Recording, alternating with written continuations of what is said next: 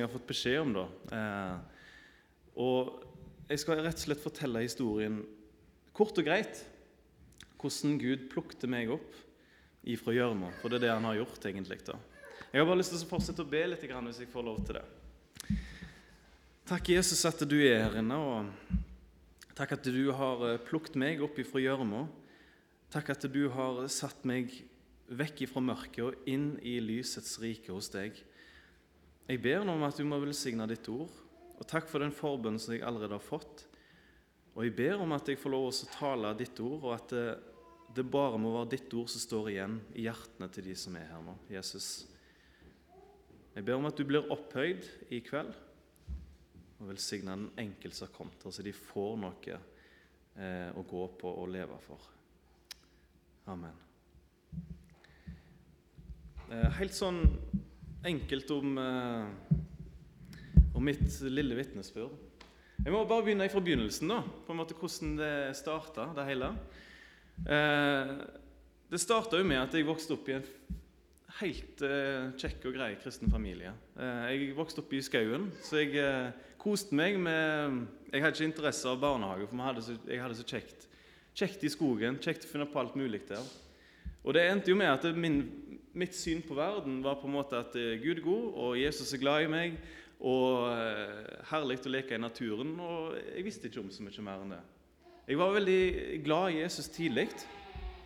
Og så begynte jeg på barneskolen. Det husker jeg veldig godt. Og da merka jeg det at etter hvert som jeg var på barneskolen, gikk i første, andre og tredje klasse, så merka jeg dette med mobbing. Og så merka jeg at verden er ikke så harmonisk sånn som jeg har kjent på. Og så Den gode følelsen som jeg hadde inni meg, den ble liksom smitta av, av, frykt og av forskjellige ting. At hva for en verden er det jeg lever i, da?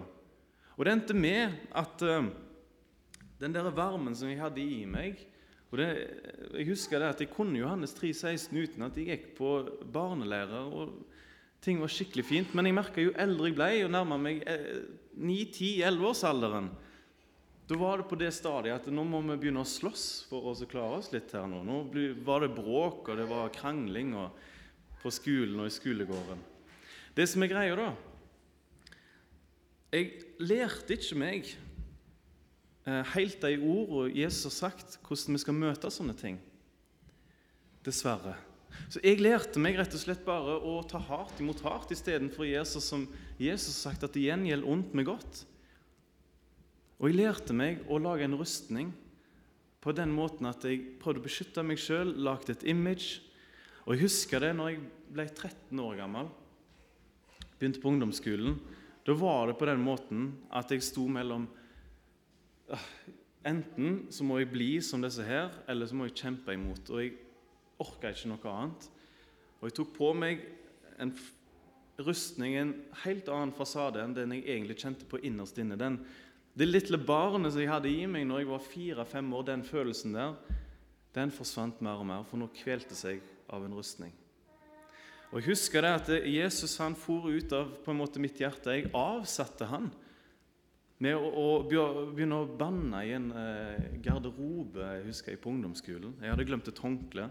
Og med de banneordene så ble det offisielt for meg nå er ikke Jesus i hjertet mitt lenger. Og Så husker jeg det balte på seg videre. Og jeg, inngikk rett og slett en allianse med verden istedenfor å kjempe imot den. Og jeg fulgte lysten 100% Og det ble liksom Når jeg tenker tilbake, så var det helt fjernt. Når jeg bare fulgte lysten, kun gjorde det jeg hadde lyst til, kun gjorde det som jeg kjente på og jeg var frista til, og ingen begrensninger. Og Jesus var langt vekk fra mitt liv. Når jeg ble 16 år, så begynte jeg på Lundaneset. Og Da opplevde jeg en verden plutselig med, med, kristne. Da var de i flertall. Det var jo helt sånn uh, snudd opp ned på hodet. En sånn kristen boble jeg var inni og utforska litt. Og det som var der, at Jeg fant jo meg først, først likesinna venner. på en måte Alle de som ikke var kristne. De fant jeg fort ut, de lekte jeg godt i lag med, og vi kjente, kjente hverandre igjen i hverandre. Um, men det som var at alle disse vennene mine de begynte å bli, de ble frelst én etter én. Så det var jo bare en Jeg husker det var én og to jeg sto igjen med til slutt.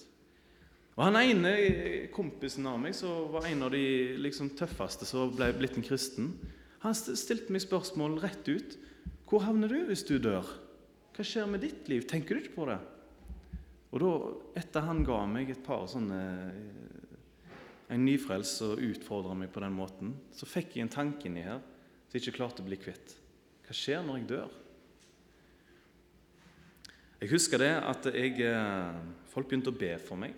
Jeg visste ikke om det, men jeg hørte etterpå at mange begynte å be for meg på Lundaneset. Og når jeg begynte i andre klasse, Eh, så var jeg, eh, jeg var et normalt bønneemne, og de sa seg imellom at vi kan be for han, men vi, vi tror ikke det skjer noe. Han er en for hard nøtt, rett og slett. Men så var det en gang at eh, en av disse her nyfrelste vennene tok meg med på et møte. Og Jeg hadde ikke vært på et kristent møte siden jeg var på en leir da jeg var liten. Og når jeg kom på det møtet der, husker jeg, det var en, et, et teltmøte i Etne jeg ble dratt med på så tenkte jeg ok, jeg skal klare å vare i halvannen time, og så var dealen at etterpå skal jeg gå på en fest. Men det som var at når jeg hørte på Guds ord, og hadde ikke hørt det på mange år, så begynte det å bli en sånn vanvittig uro inni meg. Helt merkelig. Og jeg husker det at jeg, jeg, måtte ut og ta min røyk. og bare, Hva er dette her for noe? Jeg fatta ingenting.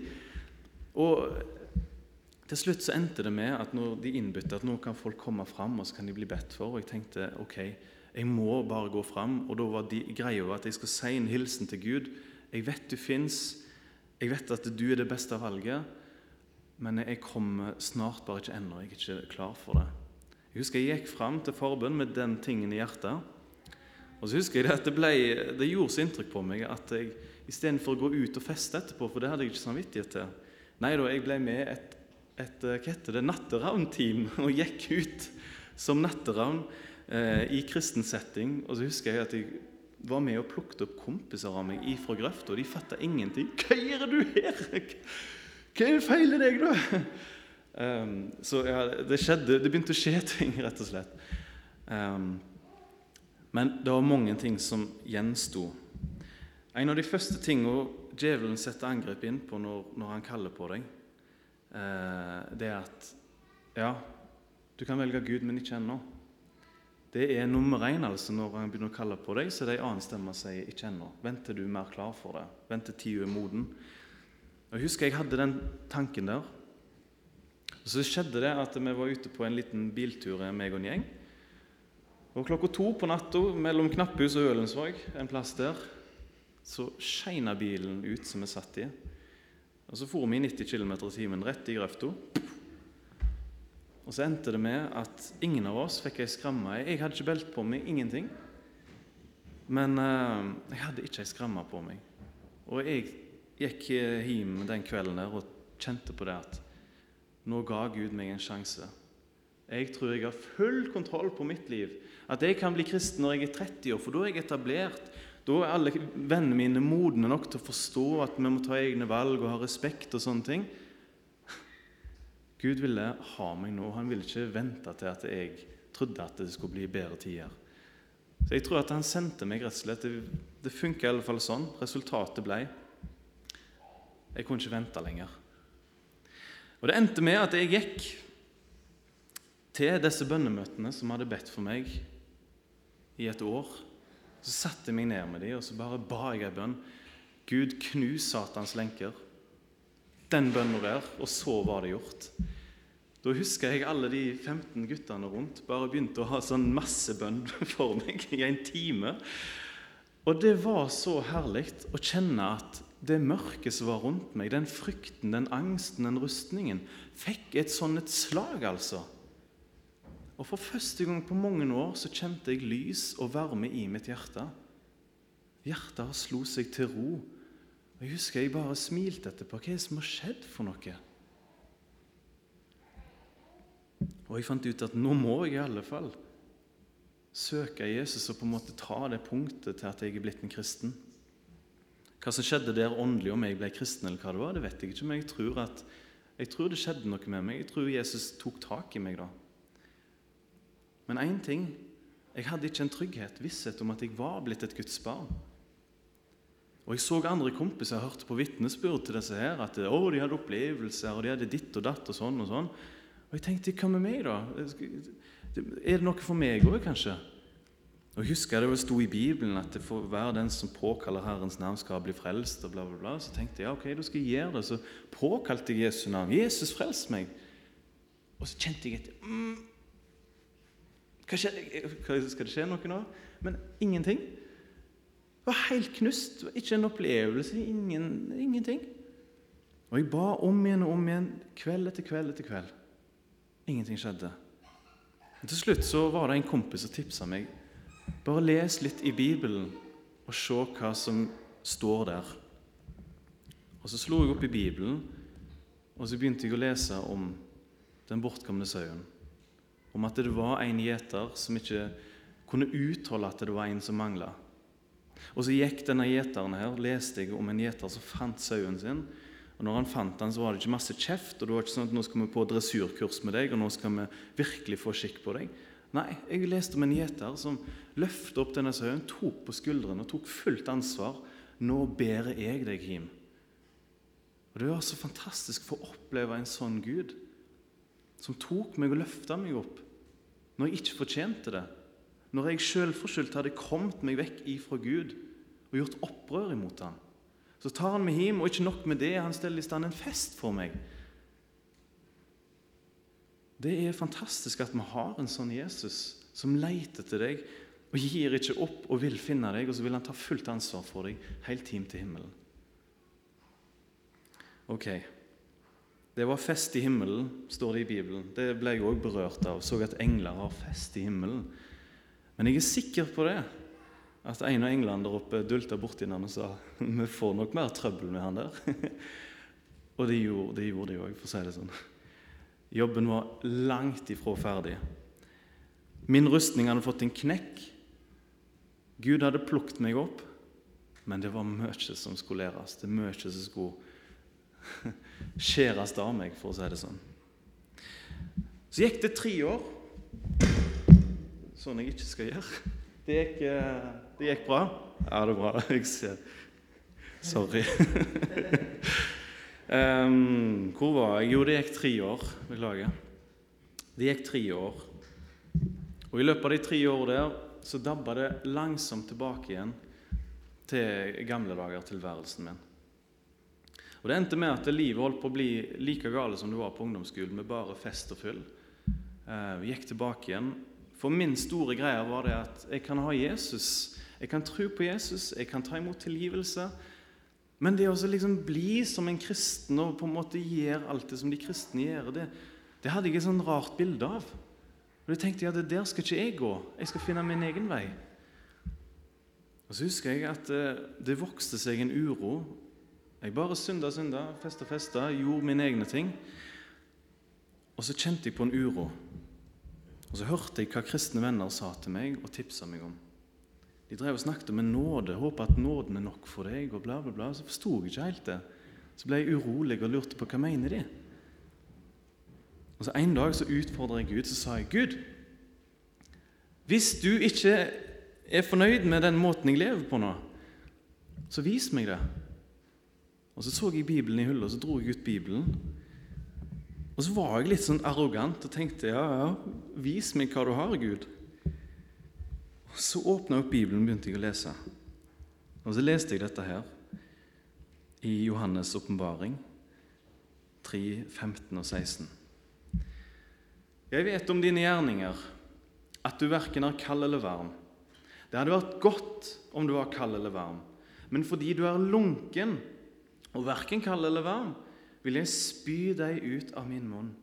Fordi du sier 'Jeg er rik, jeg har overflod og har ingen nød' og du vet ikke at du er ussel og ynkelig og fattig og blind og naken, så råder jeg deg til at du kjøper av meg gull lutret i ild for at du kan bli rik, og hvite klær for at du kan være kledd, ikledd dem, og for din nakenhets skam ikke skal bli stilt til skue, og øyensalve til å salve dine øyne med for at du kan se. Um, de versene der passet jo midt i blinken for meg. Hør på meg, som nettopp hadde sagt til Gud Er det noe mer, da? Trenger jeg noe mer? Er, er det ikke godt nok sånn som det er nå, at jeg tror på deg, at jeg har fått tilgivelse og sier at jeg vil være en kristen? Er ikke det nok? Og så ser jeg en Gud som forklarer til meg at Vet du hva, det er nettopp det at du nå sitter og sier at Hva er det? Er det noe mer nå, Gud? Den hjerteholdningen der. At jeg tror at jeg trenger bare en liten bete av Gud, og så er alt i orden. Og så fikser jeg resten sjøl. Den der hjerteholdningen min. At ja takk, Gud, du kan frelse meg, men at du skal være en herre og komme inn i livet mitt. Trenger du det, da? Så smalt det i hjertet mitt. Og så bladde jeg igjen Bibelen og tenkte Du har rett, Gud. Og så for jeg videre og kjente at det livet jeg levde, var helt på bærtur. Og Gud la på mitt hjerte to ting. Studer Bibelen. Ikke bare les den, men virkelig finne ut hvem jeg er. Og så skulle jeg søke det kristne fellesskap. Og så begynte jeg med det. Og Da la jeg vekk alt i sammen og tenkte Gud, nå går jeg all in. Nå legger jeg alt i sammen på én pott på deg. Og så husker jeg måtte ta avstand ifra mine gamle venner midlertidig, for jeg var så svak. Hvis de inviterte meg på fest, så hadde de stukket på flekken. Så jeg måtte bare Så bodde jeg i lag med et par kristne kompiser, leste i Bibelen, jobbet litt, akkurat nok til at det gikk rundt. Og så var jeg i lag med kristne og ba med dem og gikk på bibelgrupper med dem. Det var livet mitt i et halvt år. Men ingenting skjedde. Ikke som jeg merka, fall. Og Så begynte et par venner å komme til meg. 'Det skjer en forandring med deg.' Arnt Magne. 'Merk at det er et eller annet med deg nå. Og, og så begynte jeg etter en stund å merke at fokuset mitt var helt annerledes. Begynte å få en helt annen trygghet på Gud, og at han faktisk vil bo i mitt hjerte og leve gjennom meg. Og så tenkte jeg Gud, det er bare tull. Det må være menneskelig, dette her. Det er bare Eller er det virkelig det, Gud? Kan du gå inn i mitt liv sånn som det her, på skikkelig, og forandre meg? Og Så begynte jeg igjen å kjenne at jeg får bare lese i Bibelen og se er det noe Gud kan vise meg. Er det menneskelig, eller er det av Gud at det, nå, at det skjer noe med meg? At Guds ord kan forvandle meg? At en kristen fellesskap kan ha påvirkning til meg til at jeg begynner å bli mer lik Jesus? Og Så slo jeg opp i Bibelen igjen, og så leste jeg dette verset her, i Lukas 13, 69, om denne lignelsen her. En mann hadde et fikentre plantet i sin vingård. Og han kom og lette etter frukt på det, men fant ingen.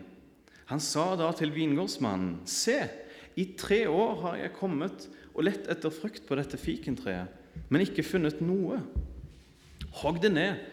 Hvorfor skal det stå her og utarme jorden?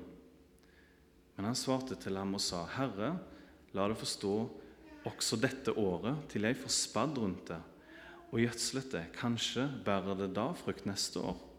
Gjør det ikke det, så får du hogge det ned. Nå er han her vingårdsmannen som eier hele denne gården, et bilde på Gud.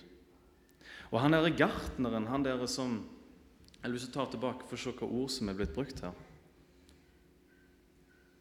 Ja, han mannen som eier alt, for å si det sånn, han er Gud. Og vingårdsmannen, gartneren, det er Jesus. Og Så kan du på en måte sette inn vanlige ord her nå og si at så kom Gud, og så sa han til Jesus Se på dette treet her jeg har. Med andre ord, se på Arnt Magne. Nå har jeg planta han her, og han har stått her i tre år. Og han ber ingenting frukt. Det skjer ingen forandring. Jeg har tatt han fra mørket og satt han inn i lyset. Men han vil ikke bære frukt. Han vil ikke ære meg, han vil ikke følge meg. Og så sier vingårdsmannen, eller Jesus videre, på en, på, på en, måte på mine vegne Vet du hva? La Arnt Magne få stå i ro litt til. La meg få gå inn og behandle Arnt Magne. La meg få gjødsle litt. La meg få ta Guds ord og få det inn i han. Kanskje det da bærer frukt. Hvis ikke, så hogg det ned. Og så kjente jeg på det at jeg hadde gått tre år etter jeg tok imot Jesus, til jeg satt og lurte på dette her. Og så hadde jeg ett år der jeg bare studerte i Bibelen, og et halvt, et halvt år med privatstudie et halvt år med Fjelltun bibelskolestudie. Så jeg hadde mitt lille år der Jesus bare gjødsla meg og gravde i meg og luka ut. Og så var det litt herlig å lese at sånn er Jesus for oss alle. Han er den som går til forsvar og ønsker å gå inn i deg og bruke dette ordet her og plante det inn i deg. Og så står det noe nettopp om det i Bibelen. Er dette her sant? Er det virkelig sånn Jesus fungerer? Hva er det det står?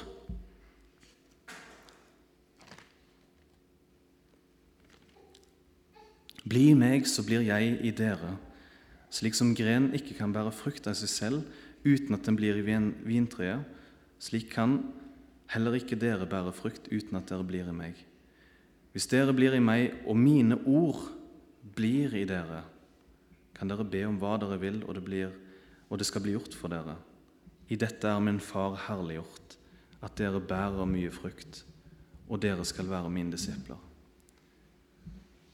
Jesus vil grave i ditt liv. Han er kjempeinteressert i å få stoppa deg opp og få sådd inn Guds ord i ditt liv på en sånn måte at du begynner å følge det, etterta det.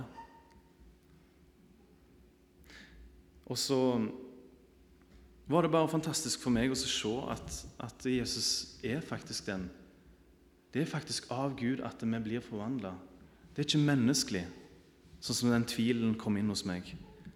Og Et annet vers som står i Bibelen om dette, her, er i eh, Filipperne 1,6, om jeg har skrevet det òg opp. Det står i alle fall Og jeg er helt overbevist om dette, at Han som har begynt en god gjerning i dere, vil fullføre den inntil Jesu Kristi dag. Ok. Nå skal jeg gå bitte litt inn på dette her med helliggjørelse. Bli mer lik Jesus. Bli mer lik Jesus. Og jeg kan si én ting som er herlig at Jesus er den som begynner den gode gjerningen. Han er den som frelser deg. Men han er òg den som fortsetter det.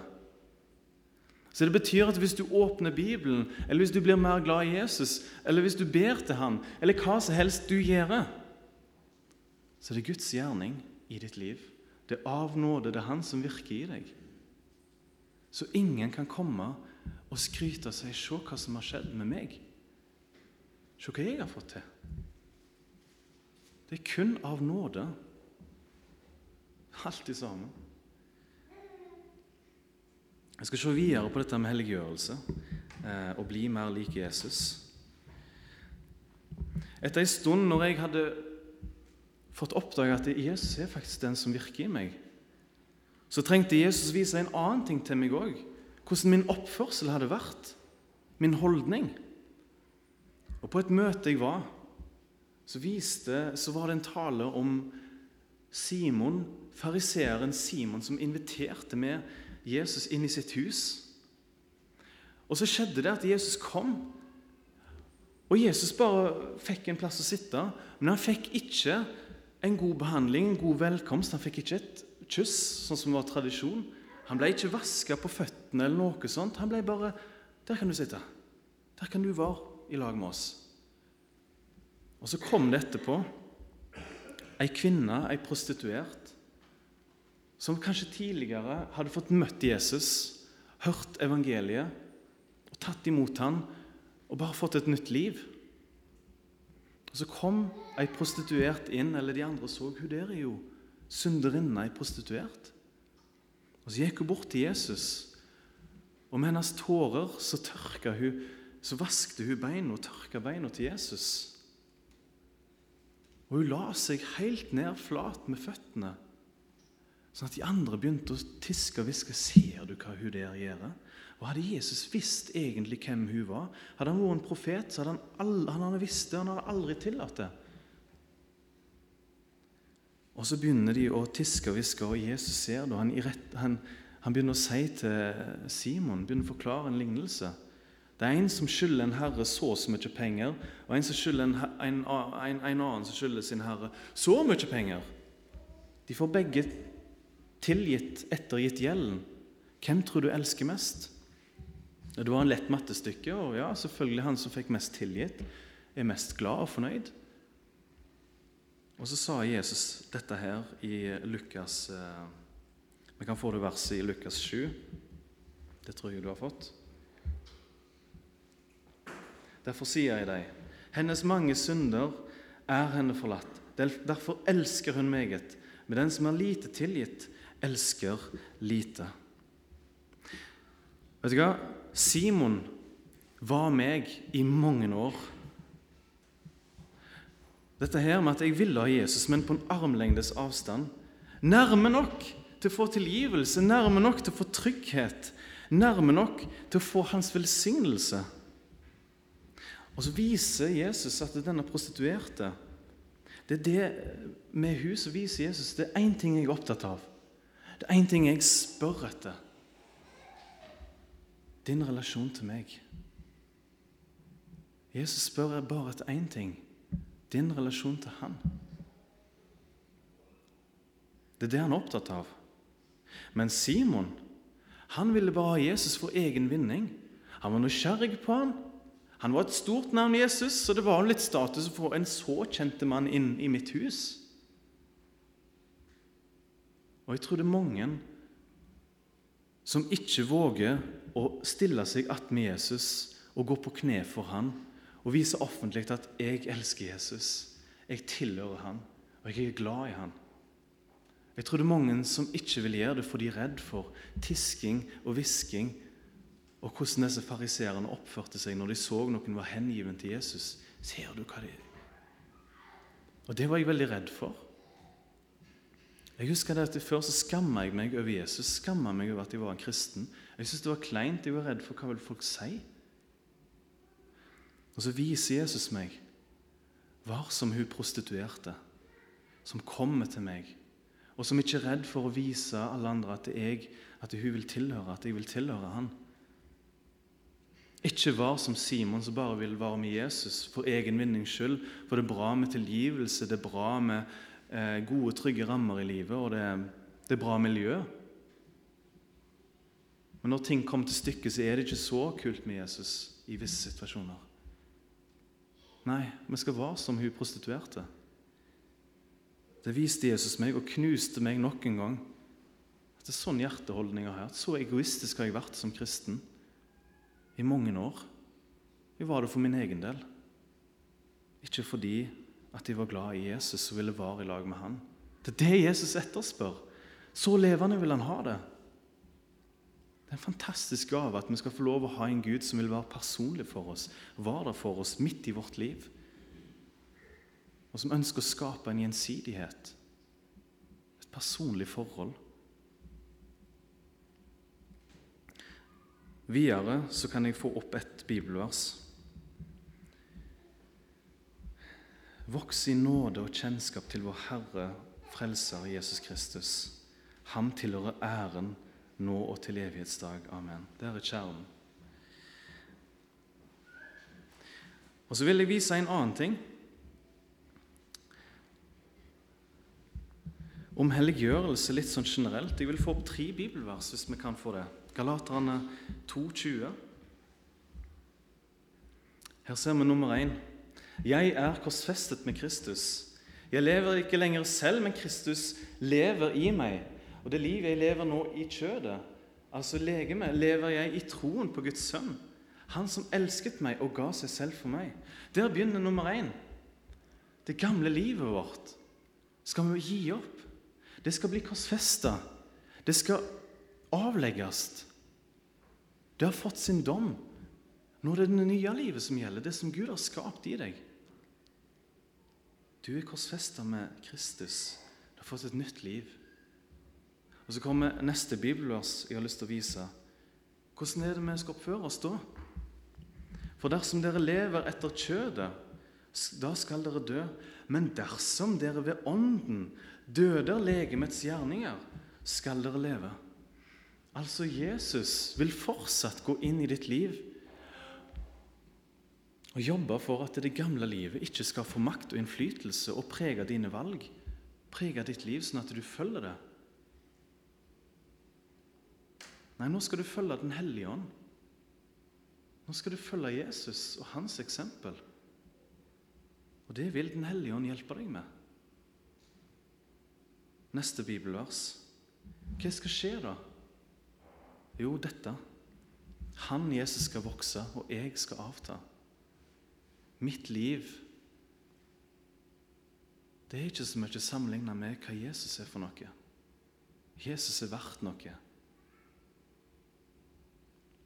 Neste punkt um, har jeg lyst til å gå inn på. Asaf, en lovsangsleder i Israel, han sa dette punktet her i Salme 73, 25b. Når jeg bare har deg, begjærer jeg ikke noe på jorden. Den som har fått sett Jesus, glemmer alt annet. Den som har fått et møte med Jesus Jeg har hørt nyfrelste gå fram og vitne og si Når jeg så Jesus nå, så bleikna alt det andre som jeg var så opptatt av. Det skifta farge, rett og slett, når Jesus ble viktig for meg. Hvordan er det i dag? Per dags dato Nå har jeg gått gjennom eh, historikken litt grann, fram til, til jeg var par og 20 år. Hvordan er det i dag? Jeg merker akkurat i dag, etter jeg har vært kristen i åtte år, kanskje Åtte, ni, ti år. Og så har jeg eh, jobbet i misjon i en del år og engasjert meg mye i menighetsarbeid og menighetsliv så begynner jeg å kjenne på det at det er utfordrende at denne boka her skal ha like stor betydning for meg hver dag. Det er utfordrende at Jesus er den stjerna for meg hver dag. Og jeg, ofte så, jeg, så ser jeg meg litt rundt etter Fins det en mulighet til å gjøre dette her lettere? Fins det en snarvei til at dette her kan gå fort og enkelt for seg? Jeg skulle ønske jeg fant en kurr til rask forvandling, til gode følelser og gode opplevelser. Og så er det fort gjort at jeg tenker hvis Gud bare hadde gitt meg den gaven der, hvis han hadde gitt meg den rette nådegaven, ja, da, da skulle jeg stått fram. Da skulle jeg virkelig gitt jernet. Hvis Gud bare hadde gitt meg det der som jeg trenger. Ja. Eller hvis hvis jeg bare får tak i den taleren der Han der taleren der, jeg er sikker på hvis han kommer og er her ei uke eller to, ja, da blir det fart i menigheten. Da blir det vekkelse. Jeg er sikker på at det er han eller hun ja, hadde vært, Da hadde vi fått det til. Kjenner du igjen litt av disse tankene her? Hadde vi bare fått litt den raske veien, den lette veien, hadde ikke vært flott. Dette her med at alle brikkene kom på plass. Hvis jeg bare hadde blitt kvitt litt av den svære gjelda så jeg slapp å jobbe så mye Hvis jeg bare eh, hadde den nådegaven og hadde den erfaringen, den kunnskapen, hadde disse tingene her og Hvis jeg ikke hadde hatt den og den plagen i mitt liv, da hm. Vet du hva, Paulus han var en som kjente på akkurat disse tingene her. Hadde jeg bare, så skulle jeg. Og Han ba til Gud en gang, for han hadde, han hadde en plage. Han hadde noe som det står ikke hva det var, men det står i Bibelen at det var et tårn i kjødet til Paulus.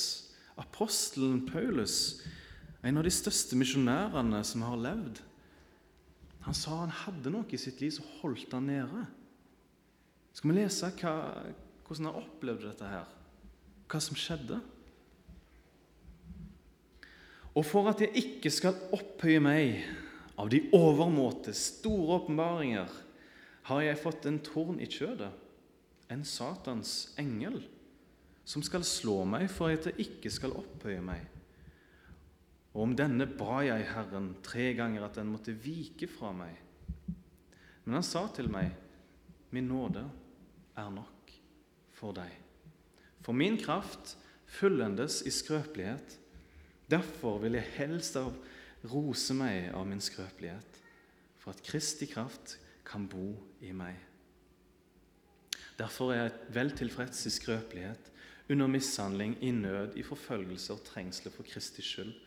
For når jeg er skrøpelig, da er jeg sterk. Jeg syns dette her er en oppmuntrende budskap til oss. Til alle som sier 'hadde jeg bare', 'kunne jeg bare', 'da skulle jeg'. Og så kommer Gud med dette budskapet og sier til meg og deg Vet du hva? Min nåde, alt det som jeg har gjort for deg på korset, alt det som jeg er og betyr, alt det som mitt ord gir løfter om, og at jeg bor i ditt hjerte og i ditt liv, vet du hva? Det er nok. At du har meg, det er nok. Du skal få lov å være et lite lam som går inn iblant ulver fordi du har en stor hyrde. Har du tenkt på det? Når Jesus sender ut to og to sier han dere er lam iblant ulver. Og så kunne dere tenkt Kunne jeg ikke vært en vær da, med store horn som gjorde at ulvene ble litt redde meg? Nei, nei, nei. nei, nei. Jesus sier du er et lam. Liten, svak, har ikke så mye. Men vet du hva? Du har meg med det perspektivet der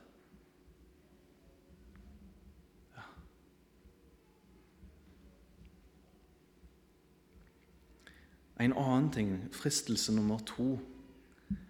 Hadde vi bare fått den taleren der, det opplegget der, det tilbudet, da blir det fart i menigheten. Hvis medlemmene får oppleve sånne ting, da blir det bra. Ok, Skal vi se om det fins en ting i Bibelen som sier litt om det òg? Hvis vi leser Eh, en plass der Paulus var i Filippi. Eh, filipperne og Paulus de hadde et veldig godt forhold. Menigheten i Filippi, Paulus. Paulus var den som planta den menigheten i Filippi. Og de hadde kanskje det, jeg, jeg, tror vi kan kalle det for et av de flotteste forholdene som Paulus hadde til en menighet. Det var i Filippi. De samarbeidet veldig godt. Og filipperne så veldig opp til Paulus. Og så sier Paulus dette her til dem i Filipperne 2, 12 og 15. Mine elskede, like som dere alltid har vært lydige, så arbeid på deres frelse med frykt og beven, ikke bare som da jeg var hos dere, men enda mer nå når jeg er borte fra dere. For Gud er den som virker i dere, både til å ville og virke til Hans gode behag. Gjør alt uten knurr og tvil så dere kan være Guds uklanderlige og rene, Guds ulastelige barn, midt iblant en vrang og forvent slekt. Dere skinner blant dem som lys i verden. Ok, disse versene her som vi fikk nå Det første Paulus sier, er at filipperne jobbet veldig når Paulus var der. Jeg er sikker på det at filipperne kanskje kom bort og sa Vet du hva, Paulus? I dag så vitna jeg for naboen min, og vet du hva? Han tok imot Jesus. Og en annen person eh, kunne kanskje fortelle om at du, jeg, jeg, jeg, kunne godt tenkt meg å være med og, og hjelpe de fattige i menigheten. Jeg, jeg, godt, jeg har masse tid ledig. Jeg blir med og hjelper. Jeg er sikker på at Paulus hele tida fikk sånne henvendelser. Akkurat som en unge kommer til sin far og forteller hva som har skjedd. De så veldig opp til han, og de jobbet akkurat som ekstra hardt når Paulus var der. Og Det er det herlige med Der kan du få en lærdom med forbildeeffekten. Husk at du er et godt forbilde for andre og kan inspirere andre til, til tjeneste, til engasjement. Men vet du hva Paulus sier? Han går videre og sier på det der bibelverset at, at nå, når jeg er vekk ifra dere, så kan dere jobbe enda mer. Og Hvorfor sier han det? Hvorfor kan han si det? Den store inspiratoren Paulus er ikke her.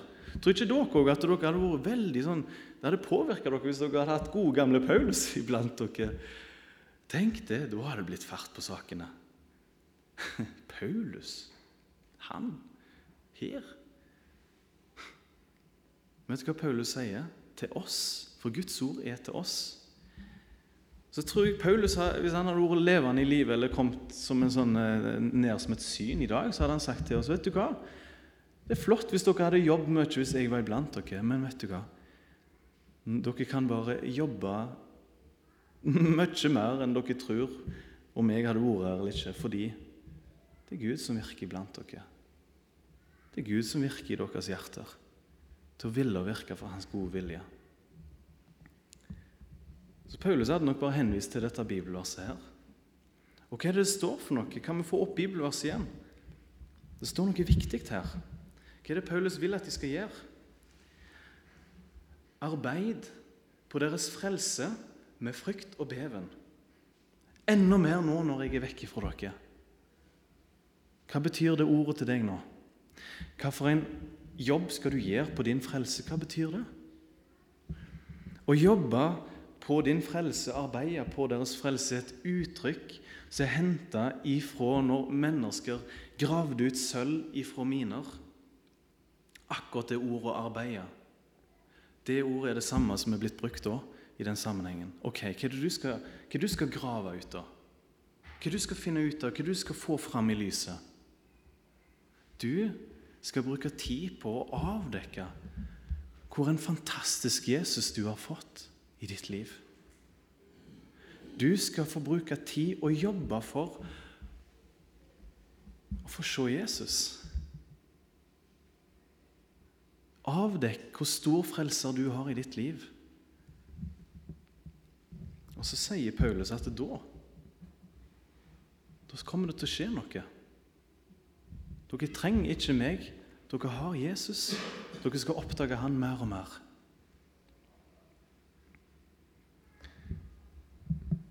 Jeg tror jeg eh, vil la de ordene stå igjen akkurat der. Og så har jeg lyst til å bare minne om et vers som står i 2. Korinterbrev 4,7 til slutt, som, eh, som handler veldig mye om det jeg har snakket om nå. For denne følelsen av at nå hadde jeg vært klar til å tjene, nå hadde jeg vært klar til å gått ut, den tror jeg du faktisk skal lete en stund etter. For det står i 2. Korinterbrev 4,7.: Men vi har denne skatten i lærkar, for at den veldige skatten skal være av Gud og ikke av oss. For et par dager siden så ba jeg mye til Gud om at Gud, jeg kjenner meg så lite frimodig nå.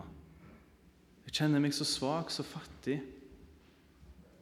Hva kan jeg bidra med? Altså når jeg tenkte litt på er det noe Guds ord som fins om dette her, så kom dette verset opp for meg. Og Det budskapet til dere er rett og slett at ikke mål temperaturen. Ikke ta følelsen og frimodigheten og mål liksom hva du kan være med på. Du skal bare måle ut ifra hvem Jesus er. Det er han som skal gjøre det. Derfor så står det at denne skatten her er et lærkar. Så ikke du synonymt med dine følelser skal kjenne og tenke at ja, nå føler jeg det sånn, det betyr at det kan bety så og så mye. Du har fått en fantastisk skatt som er Jesus. Det er han som skal gjøre det. Og Det siste sitatet jeg har lyst til å gi til deg nå. Hvis du er glad i Jesus, så har du alt som skal til for å gjøre andre glad i han òg. Og det er det som betyr noe. Da vil jeg bare runde av med å be litt til slutt. Jesus, takk at du har kommet til jorda. Takk at du døde på korset for mine synder. Takk at du levde det livet jeg ikke klarer å leve. Takk at du sto opp igjen. Du for til himmelen, og du holdt ditt ord når du sa at du vil ikke la oss være igjen som foreldreløse, men du sendte Den hellige ånd inn i våre liv